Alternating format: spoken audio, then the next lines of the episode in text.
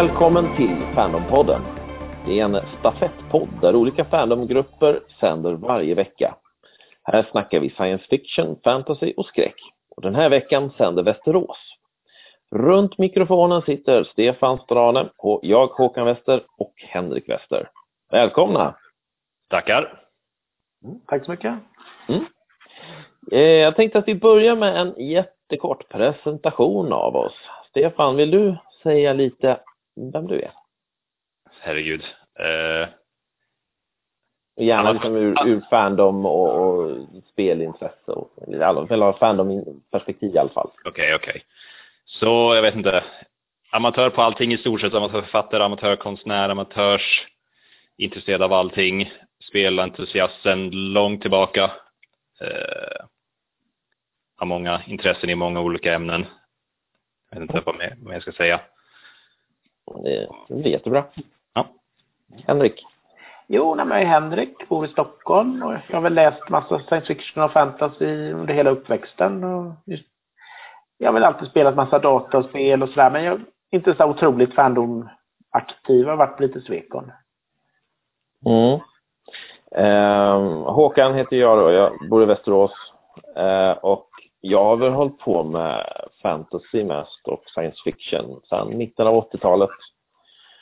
Eh, från och till, liksom. det, det går som det har gått i perioder. Eh, men nu på senare år väldigt mycket. Eh, börja, eller fick, kom, kom i kontakt med Fandom, vad var det, 2004 va? när det var ett svekon i Stockholm. På den tiden så var jag med i något som heter Stockholm Trackers.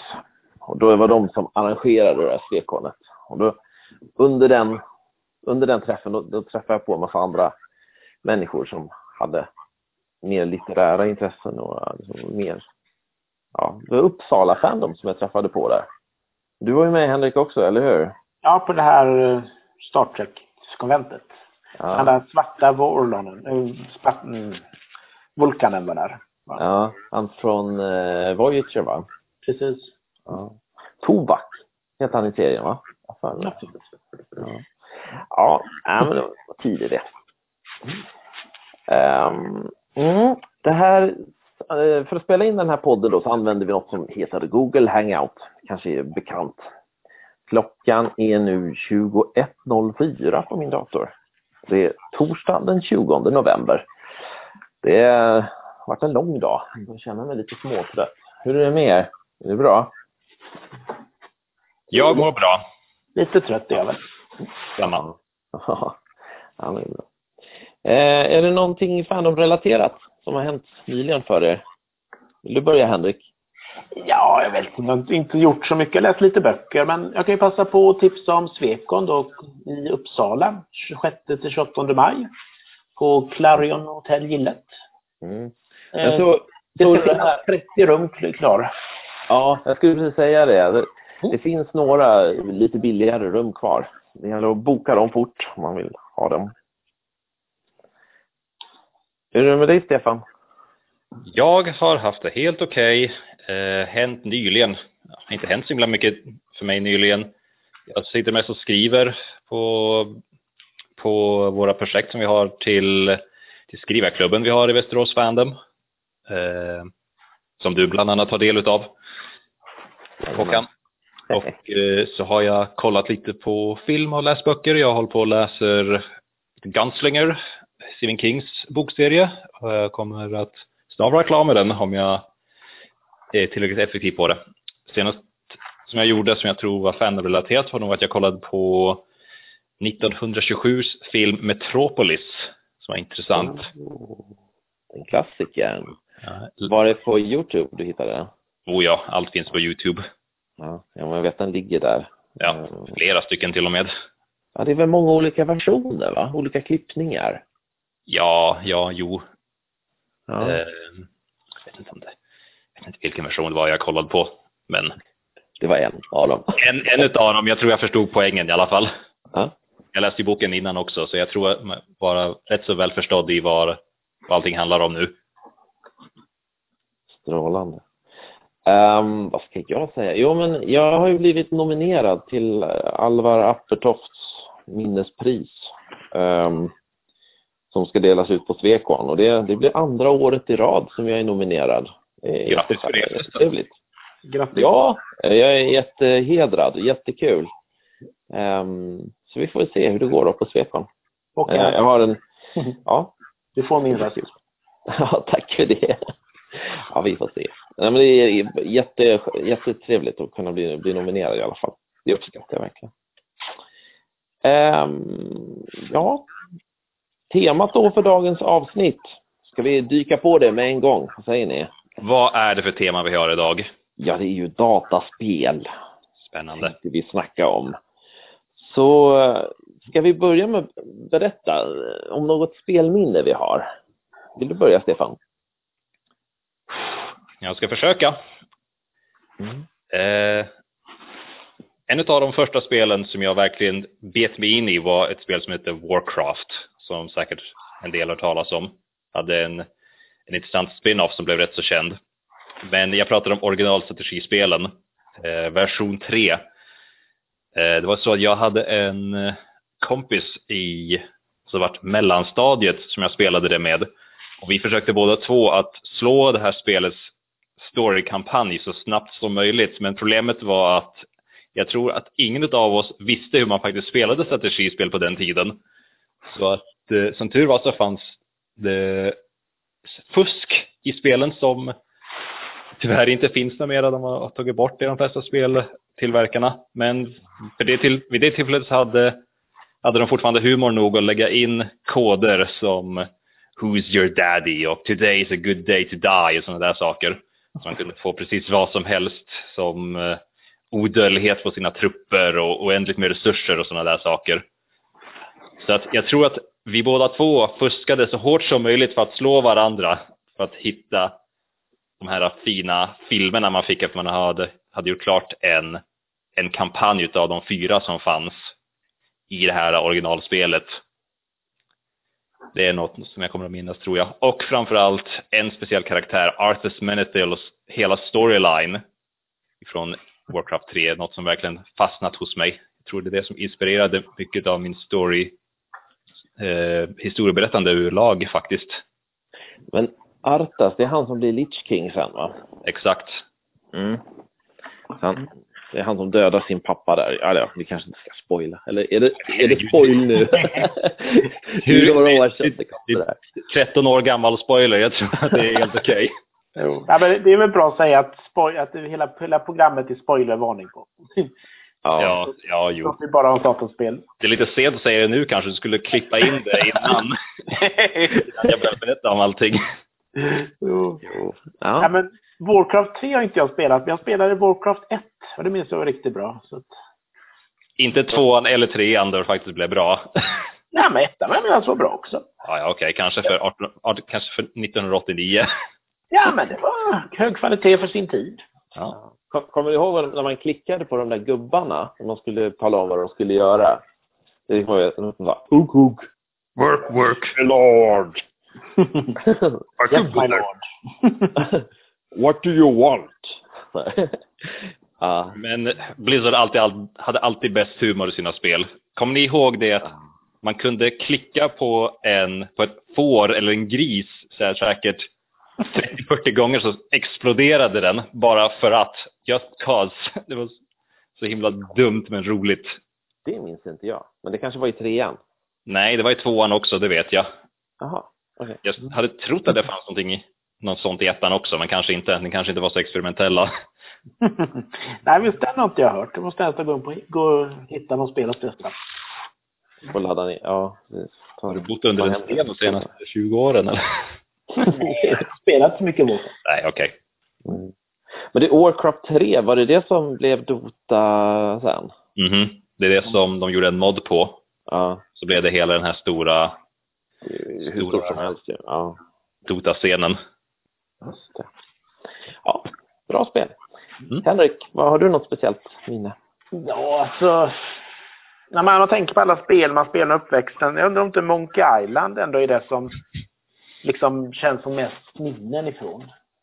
Ja. Man satt och spelade ett sånt gammalt äventyrsspel då. Så spelade man den och så körde man fast och så hade man någon annan som hade fått på klassen där, högstadiet. Och så gick man och pratade med den, liksom, hur gjorde man och sådär. Det var mycket minnen från de här gamla äventyrsspelen.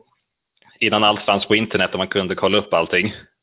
Ja, precis. Det var ju tidningar som kom ut och så här. Och så hade de en speciell fuss, sån här hjälpsida där folk liksom hade satt fast och så hade de tips där vad de skulle göra. Så, man, så gav de tips. Nästa, nästa nummer så kommer det här spelet så är det bäst att du fortsätter prenumerera tills dess. Nej, inte så illa, men det var liksom vissa Nej. gåtor som var väldigt svåra. Så hade folk sänt in och så fick det stod där hur man skulle göra dem. nu skulle de ha gjort det om det fortfarande var så, det säger jag bara. Mm. Mm. Ja.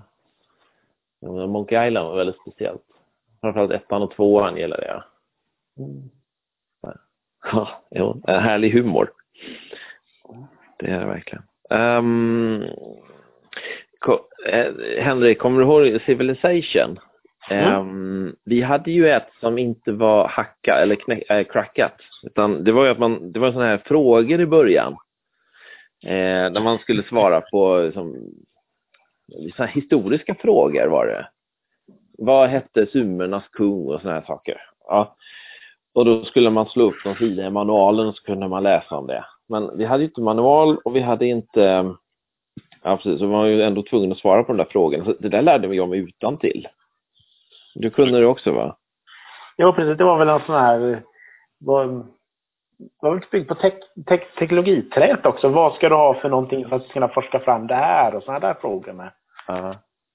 Varför, varför hade de det? Jag, menar, jag förstår varför de hade sånt där för, för att hjälpa till att alltså till att inte ungar spelade spel de inte fick. Men Civilization, är det något sånt spel som hade en, en sån bemärkelse att den inte fick spelades av ungar under sju?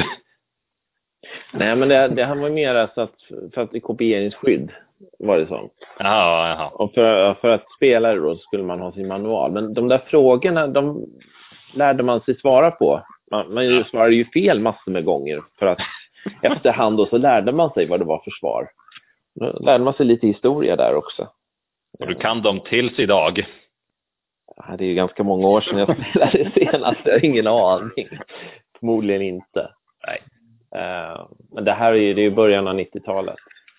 På Amigan var jag spelade. Det är många år sedan nu. Mm. Ja. ja. Det är ett kärt gammalt minne. Mm. Nej, men nu, nu, har vi pratat spelminnen. Det, det, blir lite samma sak så där egentligen känns det som. Men, men favoritspel, har vi något sådant? Henrik, vill du börja? Ja, ska man dra till med... Uh...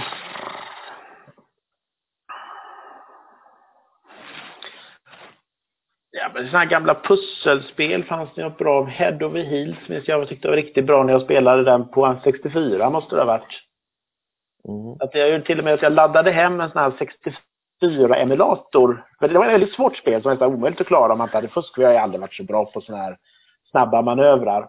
Så då laddade jag hem en 64-emulator och det spelet och så, och så kunde jag spara och så klarade den lite det var ju jättestort det där spelet. Han hade ju ingen aning om när man spelade på typ 80-talet.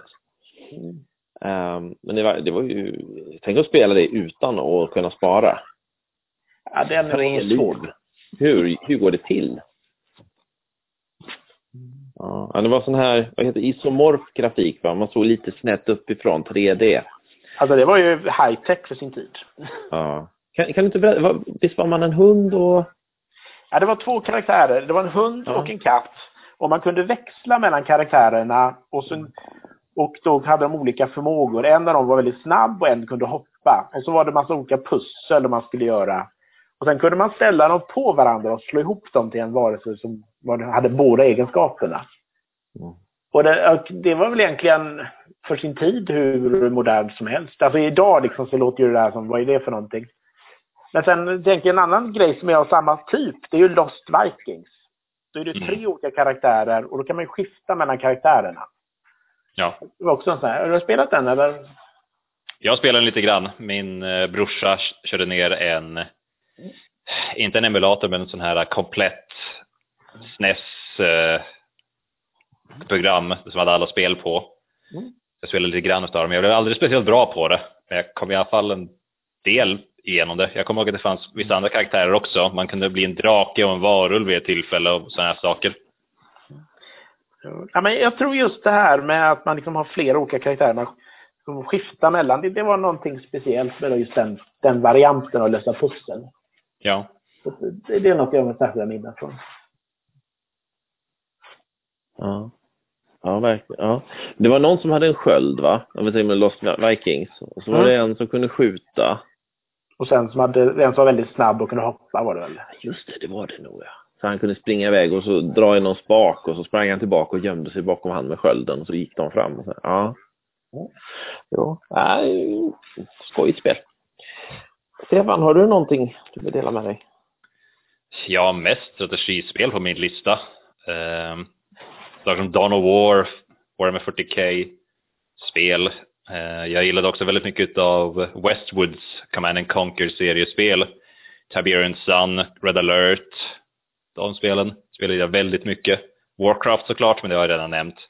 Andra Blizzard-spel från den tiden som Diablo 2. Diablo 2 tror jag var ett av de första spelen jag någonsin spelade. Eh, och Supreme Commander, ett annat spel som eh, jag gillade väldigt mycket. Något, något som inte är strategispel, jag vet inte. Ett spel som heter Warframe, som jag vet inte om någon av er kanske har hört, det är First Person Shooter dock, så att jag vet inte. Det är väldigt roligt om väldigt monotont i vad man gör. Mm. Okej. Okay. Är det no typ 90-talet det kom eller? Warframe? Ja, vad är det för tid vi tänker då?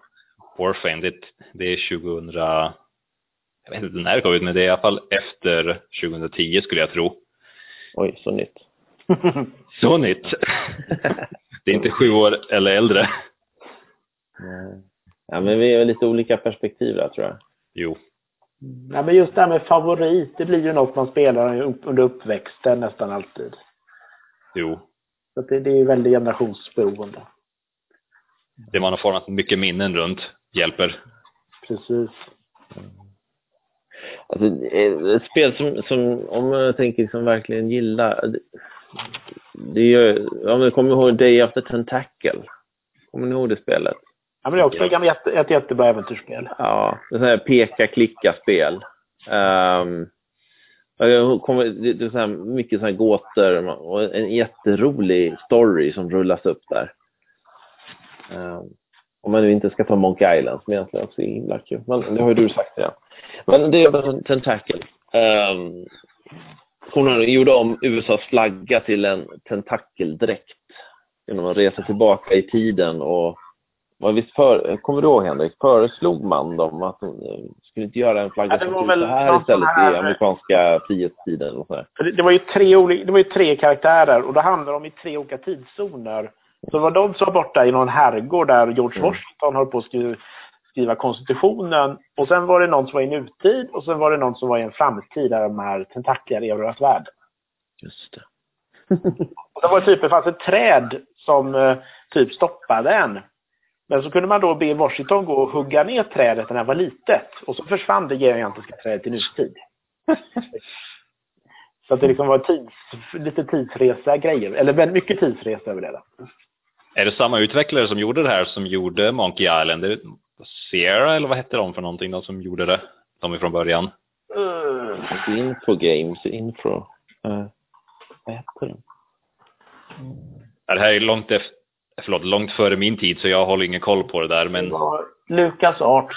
Ja, Lucas ja. Arts var det som gjorde dem. Ja. Och det är Tim Schafer var med där precis. Så det, är samma, det var samma figurer som var med i Monkey Island och... Mm. Men äh, ja, sen, jag, har, jag har ganska mysiga minnen till, jag kommer ihåg Sork? Spelen, mm. de här textäventyren. Mm, ja men precis. Jag, jag, jag satte ihop så här disketter på 64 var det nog, på Amigan också, men framförallt 64.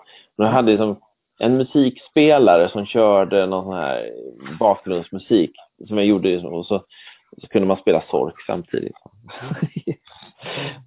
The Great Cave Adventure. Men om man pratar om den här Monk Island och Day of the Tackle, en av de som gjorde det var ju Ron Gilbert. Men han har ju faktiskt gjort ett helt nytt äventyrsspel, Timbleweed Park. Mm. De kommer ut, kom ut för några månader sedan. Är det kick, kickstartat eller? Ja, kickstartat. Det finns väl på min lista. Jag, jag var med på den. Så det, den finns på min lista att spela. Åh, roligt. Du får berätta sen hur, hur det är. Ja, vi får det. det. Håkan, vad har du för favoritspel? Eh, me- mer än eh, Day of the Tentacle och Sork menar du? Nej, du hade kanske börjat, okej. Ja. Nej, men eh, annars, eh, Steam City har jag spelat ganska mycket. Det tyckte jag var himla skoj. Som att bygga en stad så här. Det var min stil. Men, men vänta, nu kommer jag på ett, ett annat. Eh, kommer ni ihåg gamla Pirates? Det gillade jag. Man kunde, fick leta upp hela sin försvunna familj. Long lost sister och long lost cousin. Man på, reste runt där som en swashbuckler i, i Karibien och plundra skepp och leta skatter. Och... Ja, Rå det, nej. nej det, det är ju, det är ju 80-talet det kom. Men det har kommit i många nya inkarnationer senare. Men som jag förstod det, eftersom vi pratade om det före vi började, så hade du i alla fall ett intresse för Civilization. Vi har ju nämnt det förut också. Ja. Har du spelat någon av de senare? När var det senaste som du spelade? Uh, det är den jag har på Xbox 360.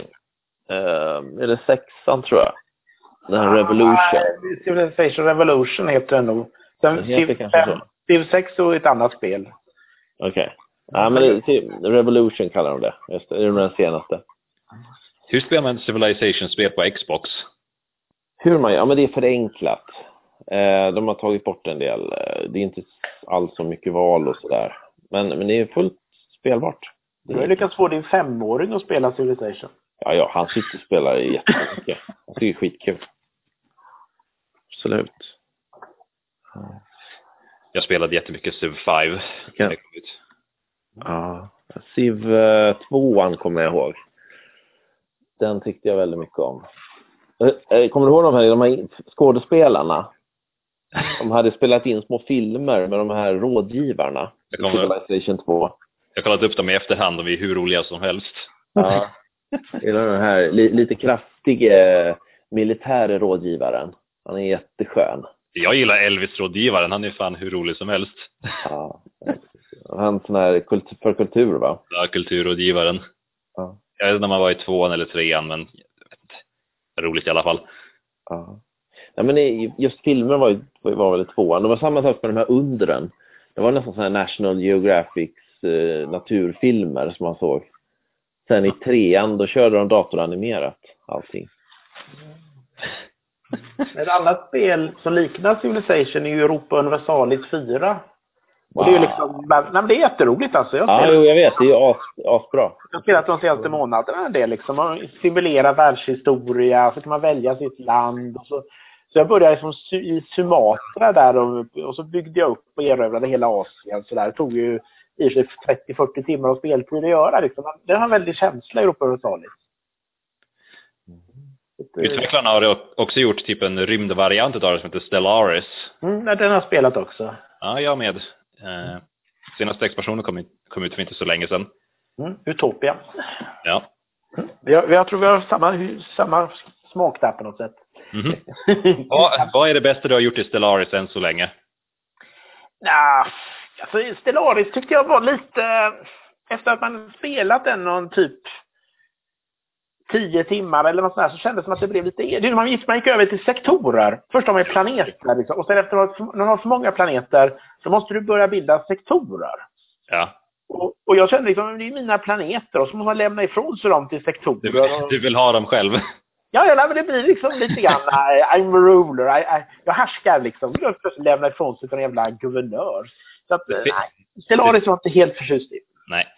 Jag tänkte med så här roliga historier. Jag kan ju säga till exempel att man kan, in, man kan infiltrera primitiva samhällen genom att eh, bygga en så observationsplattform ovanför deras planet och sen kan man få sina agenter att infiltrera dem och ta över dem här, they live-stil. och sen efteråt, efter jag hade tagit över dem, så gick det typ en vecka eller något, så började jag utrota dem på en gång. Stefan, kan du inte ta det en gång till? Eller var det bara jag som försvann kanske från sändningen? Jag tror jag hörde er båda två. Jag okej. hörde Stefan bra. Jaha. Det kanske bara är min som uh, slutat funka. Ah, ja, men fortsätta. Förlåt. Nej, men det var bara, det var typ, det roliga med Stellaris är att man kan göra de allra hemskaste sakerna i Stellaris och det är fortfarande roligt. Det är typ som Crusader Kings i, det, i den bemärkelsen. Ja, Crusader Kings är ju inte klokt. Alltså, jag, jag har lyssnat, sett lite grann, det finns någon som heter Youtube-video, någon som heter ja. Aruba, som rekommenderas ja, det, jättebra. Ja. Då har han liksom så här, spelar Crusader Kings och så typ eh, börjar han liksom ta död på folk. Liksom.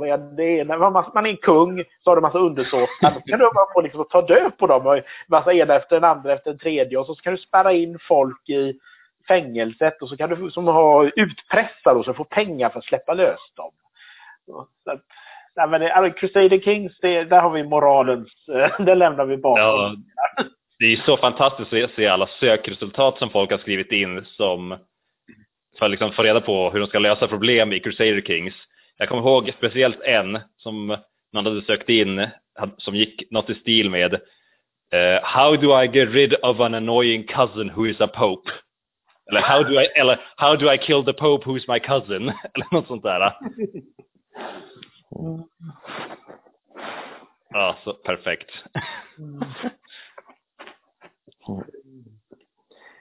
Ja, ja, roligt. Paradox, de som har utvecklat det, Paradox är svenska för den delen, så lär inte förvåna någon att man kan göra hemska saker i spelen då. Hörni, jag tänkte vi, skippade det där med spelens kultur som vi hade pratat om, utan vi går direkt på spelens framtid. Tiden går här, vi behöver runda av så småningom. Hur, hur tror ni att spel, spelen kommer se ut om kanske på kort, kort närtid och på lite längre sikt? Jag har svårt att se att det kommer bli någon enorm utveckling.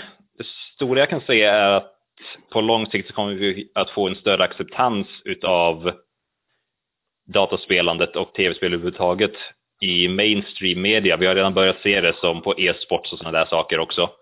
Mm. Men det kommer fortfarande ha lite av en nördprägel som lever kvar ett tag till. Så att det är väl det som är den stora grejen.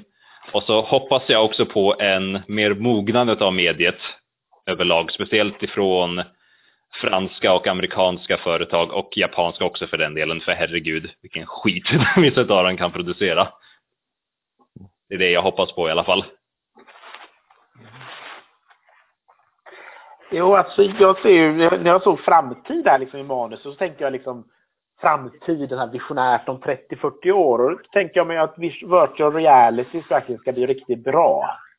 När Matrix-aktigt, man kopplar in sig och så ska man liksom traska runt i en värld sådär. Så det är ju en framtid som jag mycket väl kan, mycket väl kan se kommer om ett tag. Mm. Skulle du vilja gå omkring i en sån där då? Eller vill du sitta ner och fortfarande kunna Ja, jag tanken är att man kopplar in sig och sen så styr du någon, någon gubbe då in i världen att du tror att det är du på något sätt. Ja, alltså, perfekt matrix. Du... Ja, det behöver inte vara perfekt, men det, det räcker ju att den är hög upplösning så att säga. men en annan grej jag tänkte på det här med artificiell intelligens. Det, det går ju framåt något fruktansvärt med det. Så att man kan ju tänka sig, om man liksom lyckas knäcka det där, då skulle du kunna ha eh, typ karaktärer inne i spel som är, kanske inte, du kanske fortfarande inte kan se att de är spel och inte människor, men att de kan liksom reagera på vad du än säger till dem och prata om vad som helst med dig. Det är läskigt. Det skulle ju kunna öppna upp helt nya genrer på något sätt. Skulle revolutionera dating-spelen om inget annat. Något.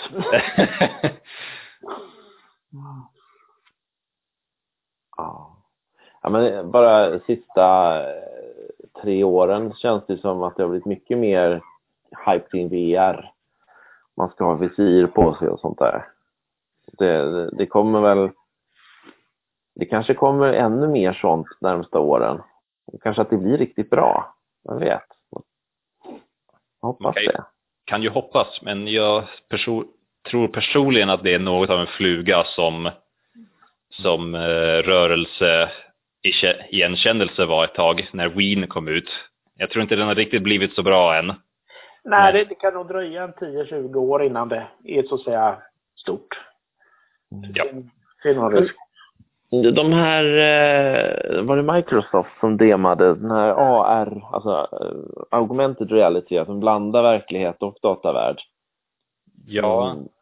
Mm. Vad för, ni på, på det? vad var det för spel de hade visat upp då i sådana fall? Eller var det Det var bara... Minecraft de hade visat upp Mm. i de här glas, som man såg i 3D på bordet. Ja. Jo, men alltså, det är väl en helt okej grej. Det ser man ju på sci-fi-filmer och sånt överallt. Så att såklart kommer det hända någon gång. Frågan är om det kommer hända nu. Jag skulle definitivt kunna se någonting sånt där. Om man lyckas göra det tillräckligt litet så skulle man kunna sätta in det liksom på, på, vad heter det, herregud, i linser och liksom så man kan sätta på sina linser med en AR interface i den eller någonting, vad vet jag. Få in någonting. Ja, exakt. Direkt på, på ögonlinsen. Ja, exakt. Eller Ja. att man har linser över, ja precis. Det känns kallt idag. Hur, hur kallt är det? Åh, är det 18 grader? Det känns inte som det. Jag måste vara säker varför det blåser så mycket. Jag vet. Det, Så man är ute på stan och så får man en massa reklamskyltar som ramlar ner. Ja, här är det extra pris idag. Alltså, Måste Det är en anledning att inte vilja ha det i sådana fall. Då. Ad, adblocker på den. Ja, exakt. ja. ja, det kanske kan bli så. Jag vet. Så desperata som företagen är för att få ut, in, få ut sin reklam idag så skulle det säkert vara något som händer skulle jag tro. Ja, så väntar man sig att någon hackar de där och börjar sända gud vet vad för någonting rätt in i ögonen på en.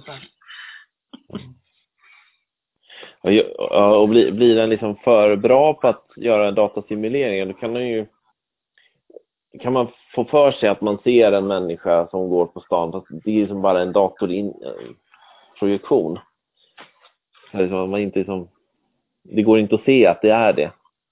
Det, blir, det blir som hallucination. Förhoppningsvis så håller de sig till, till den etiska gränsen att försöka att inte lura folk. Ja, jag hoppas det. Ja, men det, det blir som ett, som ett digitalt lager. Precis. Det kan bli jävligt häftiga spel. Tror jag. Ja, ja, AR har ju redan visat sig väldigt populärt. Mm. Pokémon Go är väl ett stort sett ett AR-spel. Ja, det är det. Definitivt. Ja, angående Pokémon Go så tänker jag liksom det är typ första så här. Nu antar jag att det är typ 50 utvecklare som håller på att ta fram nästa generation av sådana här AR-spel. Så det, det lär väl bara rulla på och bli större och större. Antagligen.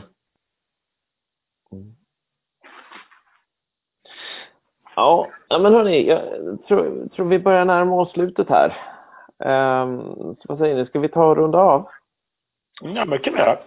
Mm. Eh, så tack så mycket från Västerås och Köping och Stockholm, va? Jajamän. Och på återhörande allihopa. Hej då! Hej då. Hej då!